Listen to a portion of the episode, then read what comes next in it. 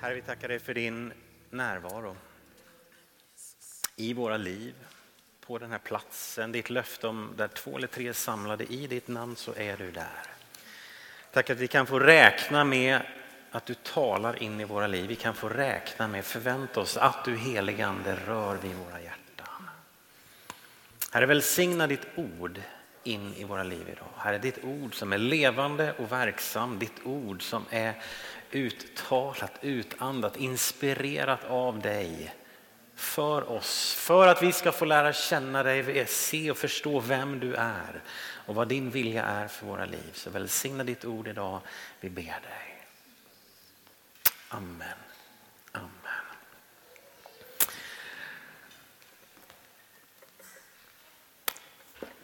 Amen. Eh, jag kände det blir nästan lite överflödigt med en predikan till, Alice. Va? Underbart när du går igång och man känner förväntan. Eh, och kanske är det så som hon säger. Idag händer någonting. Tänk alla människor som har varit med om ett starkt gudsmöte, en förvandling. Alltså det finns ju tillfällen. Du har varit med om tillfällen i ditt liv.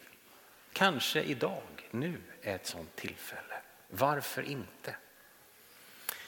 Det är eh, på ett sätt fortfarande i pingstens tid, var pingstdagen förra söndagen och tänker pingstdagen var ju också ett sånt här tillfälle.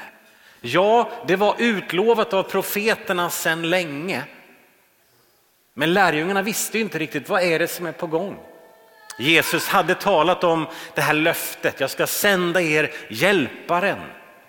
Vad, vad, vad är det för något? Sanningens ande, okej okay, vad är det? Ja, jag går bort men jag ska komma till er, säger han. Och de, ska du försvinna eller ska du komma? Eller, ja, vad är det som händer? Och de är samlade i bön, samlade i den här övre salen som de brukade en period. Vad väntar de på? Ja, det vet de ju inte riktigt. Och så börjar pingstdagens text där, Apostlagärningarna 2. Plötsligt hördes från himlen någonting. Så vi är kvar i pingstens tid. För pingstdagen må vara förbi, men det finns ett löfte som gäller dig. Vi har stannat vid den här rubriken tidigare år också och utifrån orden i Apostlagärningarna 2 när Petrus håller sin predikan så säger han just det. Omvänd er, låt er alla döpas, då får ni den helige ande som gåva. Löftet gäller er och era barn och alla de som är långt borta. Här har vi både geografi och generationer som liksom följer med i det här löftet. Och vi är här idag tack vare det här löftet. Och det här löftet gäller dig fortfarande. Det gäller inte bara alla andra, någon annan någonstans långt borta. Utan löftet gäller mig idag och det gäller dig idag. Och det är rätt bra, eller hur? Amen.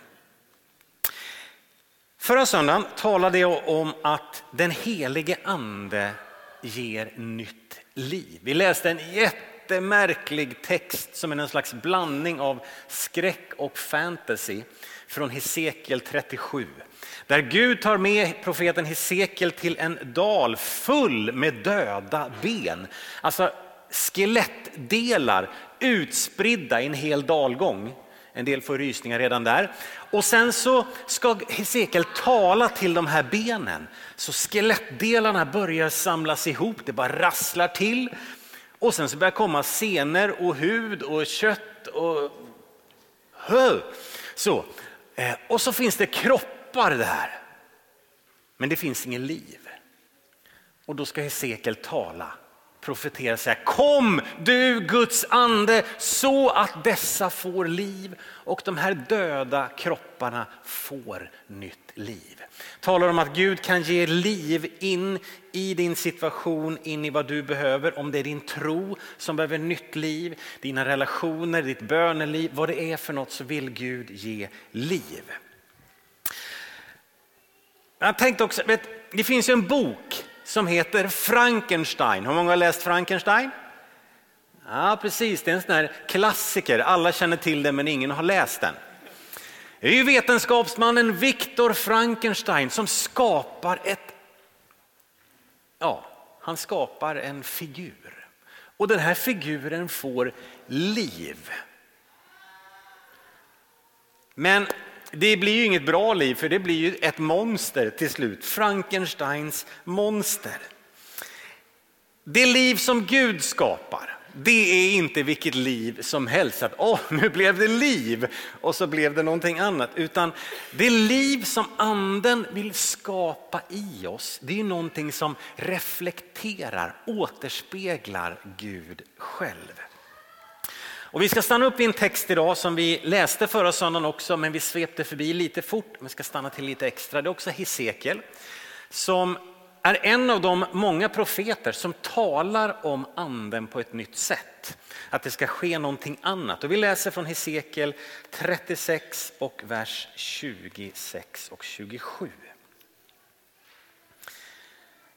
Jag ska ge er ett nytt hjärta och låta en ny ande komma in i er. Jag ska ta bort stenhjärtat ur er kropp och ge er ett hjärta av kött. Jag ska låta min ande komma in i er och göra så att ni vandrar efter mina stadgar och håller mina lagar och följer Den heliga ande fanns ju med från begynnelsen. Vi läser om anden i skapelsens morgon. Den heliga ande finns med genom hela gamla testamentets händelser och historia. Ganska tydligt, men också på ett ganska tydligt sätt att anden kommer över vissa människor. Det är profeten, det är prästen, det är kungen, det är domaren. Liksom en specifik utrustning för en specifik tid, för ett specifikt uppdrag. Men Hesekiel och andra profeter börjar tala om att det kommer någonting annat. Den heliga ande, Guds ande, ska verka vara på ett annat sätt. Och här är ett av de löftena som målas upp. I det nya så ska den heliga ande eh, komma in i er. Komma in i er. Det är inte bara så här, anden kommer över er och fixar lite grann, utan anden ska bo i er. Ehm, och texten talar om förvandlade hjärtan. Det är inte bara ett uppdrag, en uppgift, utan om förvandlade hjärtan.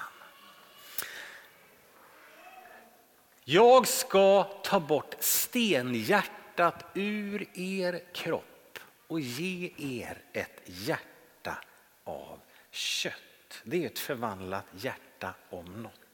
Men också i den senare delen. Min ande ska komma in i er och göra, göra så att ni vandrar efter mina stadgar, håller mina lagar och följer dem. Det är också en förvandling i min vilja, i vad jag strävar efter. Och de här två på något sätt, spåren vill jag bara stanna upp en liten stund vid. Ta bort stenhjärtat och ge er ett hjärta av kött. Vad är det? Ja, men det handlar om att ta bort det hårda hjärtat och ge mig ett mjukt hjärta istället. Ett mjukt hjärta, vad är det? Ja, men egentligen är det ju inget konstigt. Ett, när mitt hjärta blir mjukare och mjukare så blir jag mer lik Jesus. Och det är ju en ganska bra målsättning att ha för sitt liv. Paulus säger i Romarbrevet 8 att Gud vill forma oss efter sin sons bild. Det är vad Gud vill forma i mig. Att jag blir mer och mer lika Jesus, att du blir mer och mer lika Jesus. Och en av de vackraste bilderna av vem Jesus är, en av de vackraste bilderna av vad den helige ande vill göra i dig. Hur du liksom ser ut längre fram på resan, kanske när det är dags att lämna så har en del av de här spåren trätt fram i dig. Det är Galaterbrevet 5, andens frukter.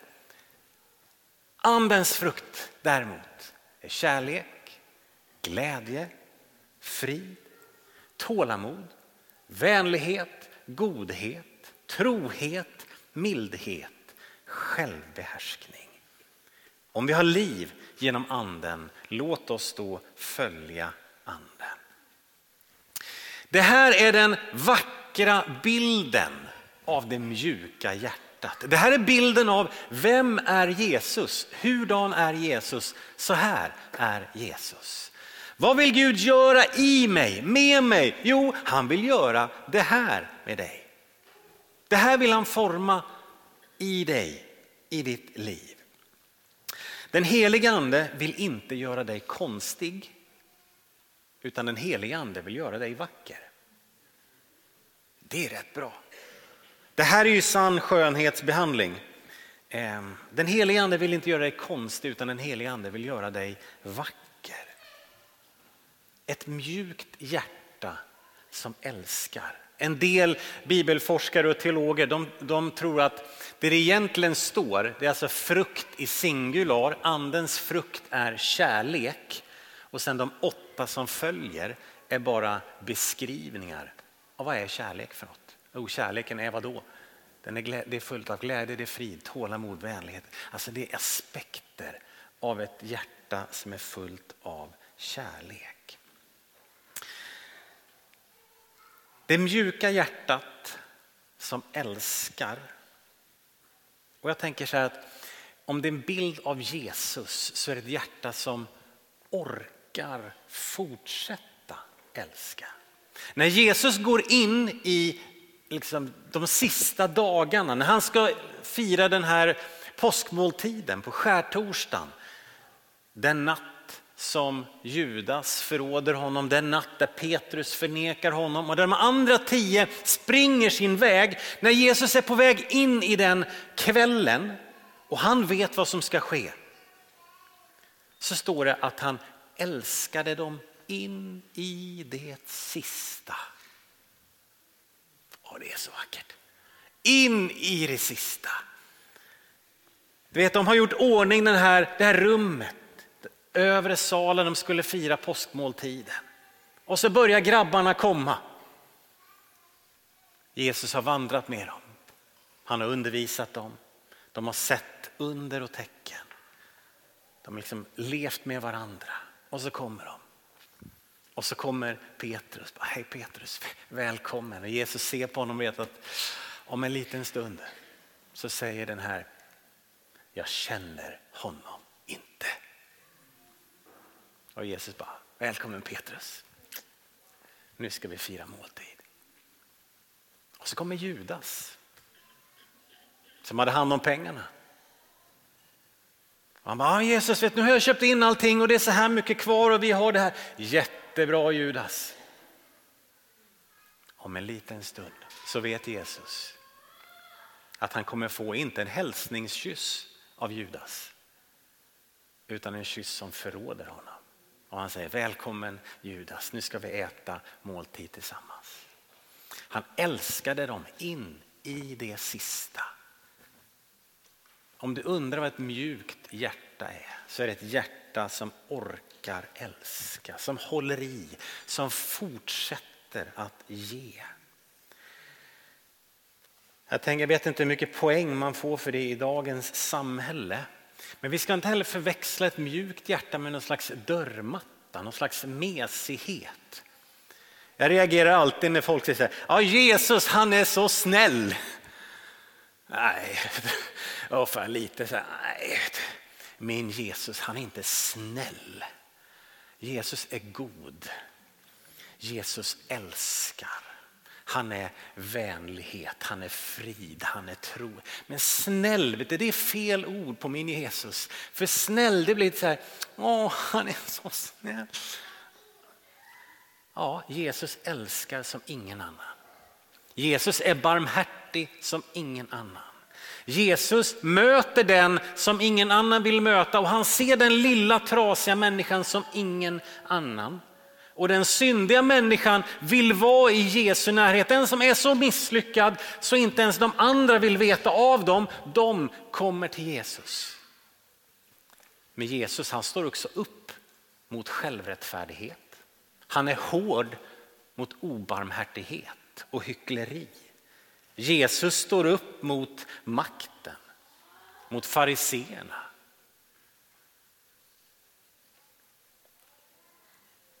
Så han är ju kraftfull. Ta bort stenhjärtat och ge ett hjärta av kött. Alltså ta bort det hårda hjärtat och ge mig ett mjukt hjärta. Jag tror att du och jag, vi behöver vaka över våra hjärtan. Vadå, jag har inget hårt hjärta säger du. Nej, men risken är rätt stor att vi får. Och jag tänker att vi, det är lätt att det, liksom, det hårdnar lite allt eftersom. För när man får smällar, törnar, man blir sårad, det händer grejer. Jag börjar skydda mitt hjärta. När livet far lite illa med mig, så för att på ett sätt överleva, för att orka, så sätter man upp lite barriär. När Jesus talar om den sista tiden, vad det nu innebär. Det vi vet att det är någonstans från att Jesus lämnade oss till att han kommer tillbaka. Så att vi lever i den sista tiden, ja det gör vi. Och då säger Jesus så här, han varnar inte så mycket för att åh, då kommer alla synda jättemycket. Att det är det största problemet. Utan han säger, då kommer kärleken att kallna hos de flesta. Och vad är det tänker jag? Ja, det är hjärtan som har blivit hårda. Att jag inte riktigt orkar älska. Att jag inte blir cynisk. Att jag inte blir distanserad och tänker att ja, ja, och jag ser nöden och den bekommer mig ingenting, den berör mig inte. Ja, ja, de får nog skylla sig själva. Och de kanske har gjort saker som ställt till det för dem. Ja, men om mitt hjärta inte blir berört. Jag behöver vaka över mitt hjärta, behöver du det? Att våga beröras, orka beröras, orka liksom en gång till. Att riskeras, att såras en gång till, tänker jag, det är det mjuka hjärtat. Därför behöver du och jag beröras och uppfyllas av den helige Ande. För anden vill ta bort stenhjärtat och ge mig ett mjukt hjärta. Den andra delen i den här texten handlar ju mer om riktning, om val, om vandringen, om vad jag söker. Eh, kan ta nästa. Jag ska göra, låta min ande komma in i er och göra så att ni vandrar efter mina stadgar och håller mina lagar och följer dem. Och här tänker jag, här är jätteviktigt att få ska vi säga, förståelsen rätt. Lyssna nu. Som kristen så är ett kristet liv inte min högsta strävan.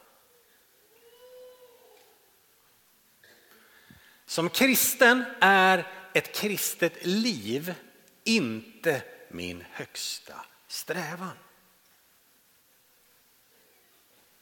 Har pastorn gått och blivit tokig tänker du nu? Vad menar han? Nej, men vet du, som kristen så är det inte mitt görande. Att jag liksom, hur lever jag som kristen? Det är inte min första prioritet. Utan som kristen är min första prioritet Kristus. Han, relationen med Jesus, hjärtats tillbedjan, närheten. Det är min första prioritet och högsta strävan. Och jag tycker att Nya Testamentet är på något sätt så tydligt i det här genomgående att ett kristet liv är ett utflöde av Kristus i mig. Ett kristet liv levs inifrån och ut. Att det han gör, säger, visar mig, bor i mig, det är det som tar sig uttryck i mitt liv. Anden förvandlar, kommer in i mig och gör så att jag vandrar efter hans stadgar. Det vi läste i Galaterbrevet 5 om andens frukter så slutar det med, om, gå tillbaka en bild där förresten kan du göra. Där, det slutar med om vi har liv genom anden, låt oss då följa. Alltså det är någonting som har hänt först. För att anden har kommit in i mig. Låt oss då följa. Kan du gå tillbaka igen till nästa bild där. Så anden kommer in i mig, Kristus i mig. Och då händer någonting i mitt liv. För att, alltså visst, vilja, vanor, disciplin, att liksom kämpa lite, har det sin plats i ett kristet liv? Absolut. Absolut. Det är inte bara så att anden gör någonting i mig och så bara, och nu kommer allting bara helt automatiskt så vill jag göra allting. Nej, inte riktigt så. Så att vanor, beslut, lite disciplin, lite liksom yes, det har sin plats. Det är verktyg i att leva för Kristus. Men om det på något sätt, det här som är mitt fokus, nu måste jag skärpa till mig för att liksom. Då har jag kastat runt någonting. Utan först så är det Kristus i mig. För att du älskar så vill jag göra. Och för att du älskar så vill jag inte göra. För att du har fyllt mig så väljer jag att för att du har förlåtit mig så väljer jag att inte gå den vägen. Det är hela tiden liksom Kristus i mig som är nummer ett. När Jesus talar om livet med honom och anden i oss så är det liksom strömmar av levande vatten. Det är någonting som, som liksom det här livet som porlar. Han säger det blir en källa i er. Den här källan som porlar hela tiden. Kristus i mig och dig. Det är det som är vårt fokus. Utifrån de här två, det här hårda hjärtat som blir mjukt och den här förvandlingen i vandringen. Eh, jag tänkte så här, det är ju sol ute nu. Jag och Britta vi älskar solen. Eh, vad händer när du går ut i solen? Över tid så ändrar man ju färg. Man blir lite brun. De flesta av oss. En del av er ni blir knallröda och sen så är ni lika vita igen. Ja, beklagar. Men när vi går ut i solen så, så blir vi lite bruna. Lite olika mycket, lite olika fort. Vi har lite olika utgångspunkt, olika hudtyp och så vidare. Men det som är att det, det sker en förvandling över tid när jag tittar på ljuset. Det sker en förvandling över tid när jag tittar på ljuset där uppe. Och varje gång varje gång du vänder ditt öppna hjärta mot honom så blir du lite bestrålad. Och det sker en förvandling. Vi ska läsa en bibeltext till och landa i den från andra Korinthierbrevet 3 och 16. När någon omvänder sig till Herren tas slöjan bort Herren är anden och där Herrens ande är, där är frihet. Och alla vi som med obeslöjat ansikte ser Herrens härlighet som i en spegel, vi förvandlas till en och samma bild, från härlighet till härlighet. Och det sker genom Herren, anden. Det här är ju en vacker text också. Det finns ju, det är nästan bara vackra texter i den här boken. När vi vänder oss till honom, första delen här, när någon omvänder sig till Herren så tas slöjan bort. Alltså det här handlar ju om att när vi, kristen tro är uppenbarelsetro kan vi säga. Man kan inte tänka sig och förstå sig in i himlen. Man kan tänka långt och förstå mycket och vi ska försöka förstå. Men det är någonting av att hjärtat, när jag vänder mig säger Jesus, jag tror på dig. Jag vill följa dig. Förlåt mig, kom in i mitt liv, jag behöver dig. Något slags beslut där jag gör det, bam, sen. Då tas en slöja bort och jag ser och jag förstår lite mer och någonting händer i hjärtat. Och så står det om frihet. Herrens ande, där Herrens ande är, är frihet. I allt det här som har med Gud att göra så smakar det frihet.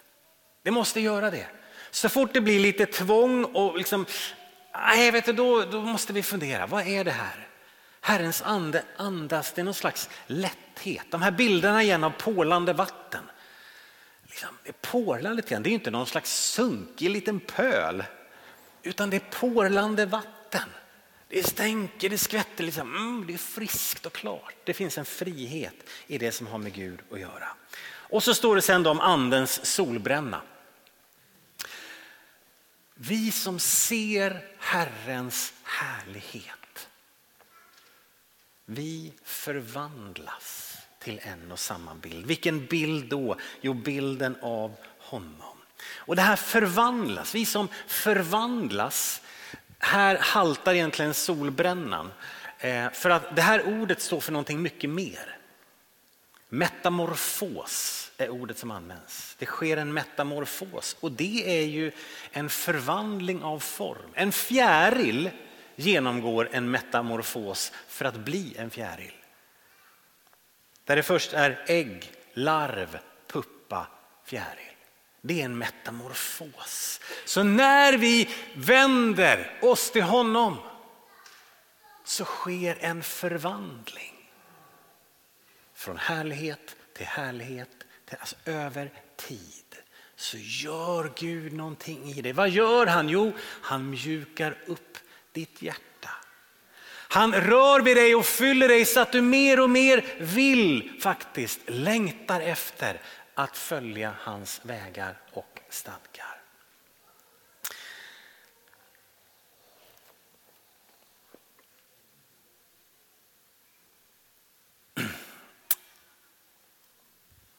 Jag och Britta har varit gifta i 27 år, lite drygt. Tack så mycket. Och alla ni som har varit gifta länge, ni vet precis vad jag pratar om. För att vi kan vara ute och åka bil och sen så är det någonting väldigt ospeciellt vid sidan av vägen. Och sen så börjar hon säga någonting precis när jag skulle börjat säga precis samma sak.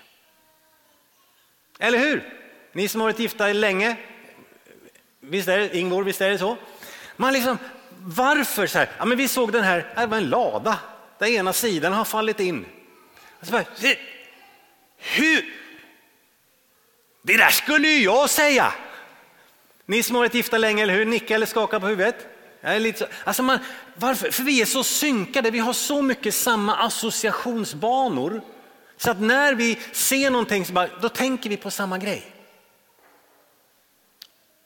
Tänker så här ibland, tänk om man kunde få ha det så med Guds ande. Tänk om. För att anden bor i mig. Han har förvandlat mitt hjärta så att det är likt hans hjärta.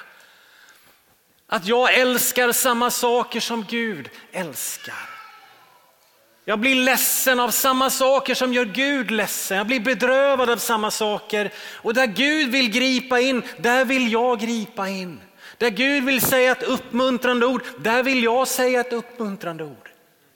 Tänk och få ha den, liksom, varför? För Kristus bor i mig genom sitt ande. Och han har rört vid mitt hjärta så att det cyniska, det hårda, det är borta. Utan det är ett mjukt hjärta som orkar älska, orkar bry sig, försöker igen. Och på något sätt jag känner hans hjärtslag, jag känner hans tankar. Berörs av det som berör Guds hjärta. Tänk och få ha det så är Guds ande. Ingvar ska du komma fram här och sätta dig vid pianot. Ska vi resa på oss över hela lokalen förresten?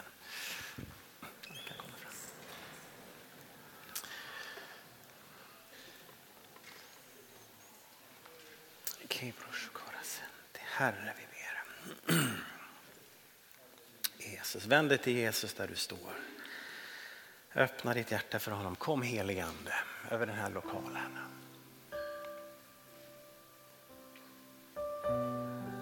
Kom helig ande över den här lokalen just nu. Över varje hjärta som vänder sig till dig.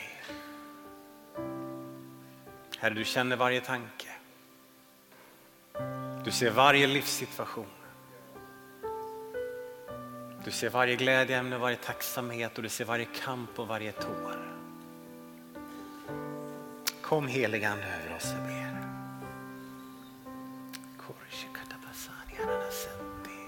Jesus, Jesus. Kom heligande, rör vid hjärtan idag. Halleluja. Halleluja.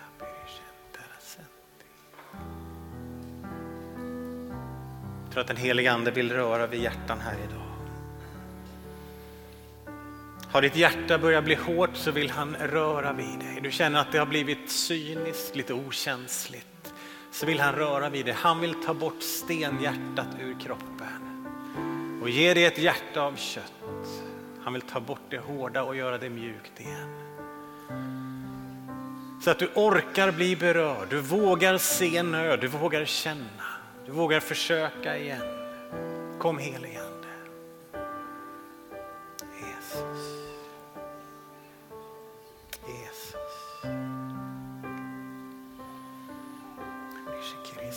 tror att Herren vill göra dig fri idag. Du som din strävan har under lång tid varit ett kristet liv. Jag måste ju få till det, men jag lyckas så illa dåligt. Jag gör så mycket fel. Men du strävar, du försöker och så misslyckas du. Jag tror att den heliga ande vill komma med befrielse. Och så säger han, se inte på dig själv och dina egna steg utan se på Jesus. Kristus är ditt mål. Han är din prioritet. Han är din styrka, han är din glädje. Se inte så mycket på dig själv och din egen vandring. För ett kristet liv är inte ditt mål utan Kristus är ditt mål och han kommer leda dig in i livet med honom. Halleluja. Så kom över oss du helige Ande.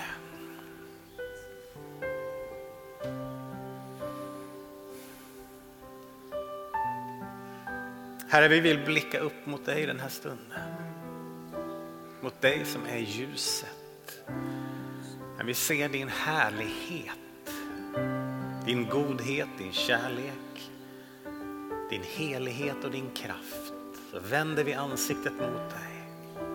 Och när vi blickar upp mot ljuset, mot dig så förvandlas vi lite grann varje gång. Jesus, kom över oss Herre. Kom över oss Herre, jag ber. Och du som känner att det porlar lite grann i hjärtat, låt det porla. Du som känner att Gud rör vid dig, låt honom röra vid dig. Kom helige Ande. Kom helige Ande. Det ska vi över hela lokalen. Bara öppna din mun och så börjar du tacka honom lite grann. Säg ditt halleluja, prisa honom, tala i nya tungor. Sjung ut din sång, tillbe honom.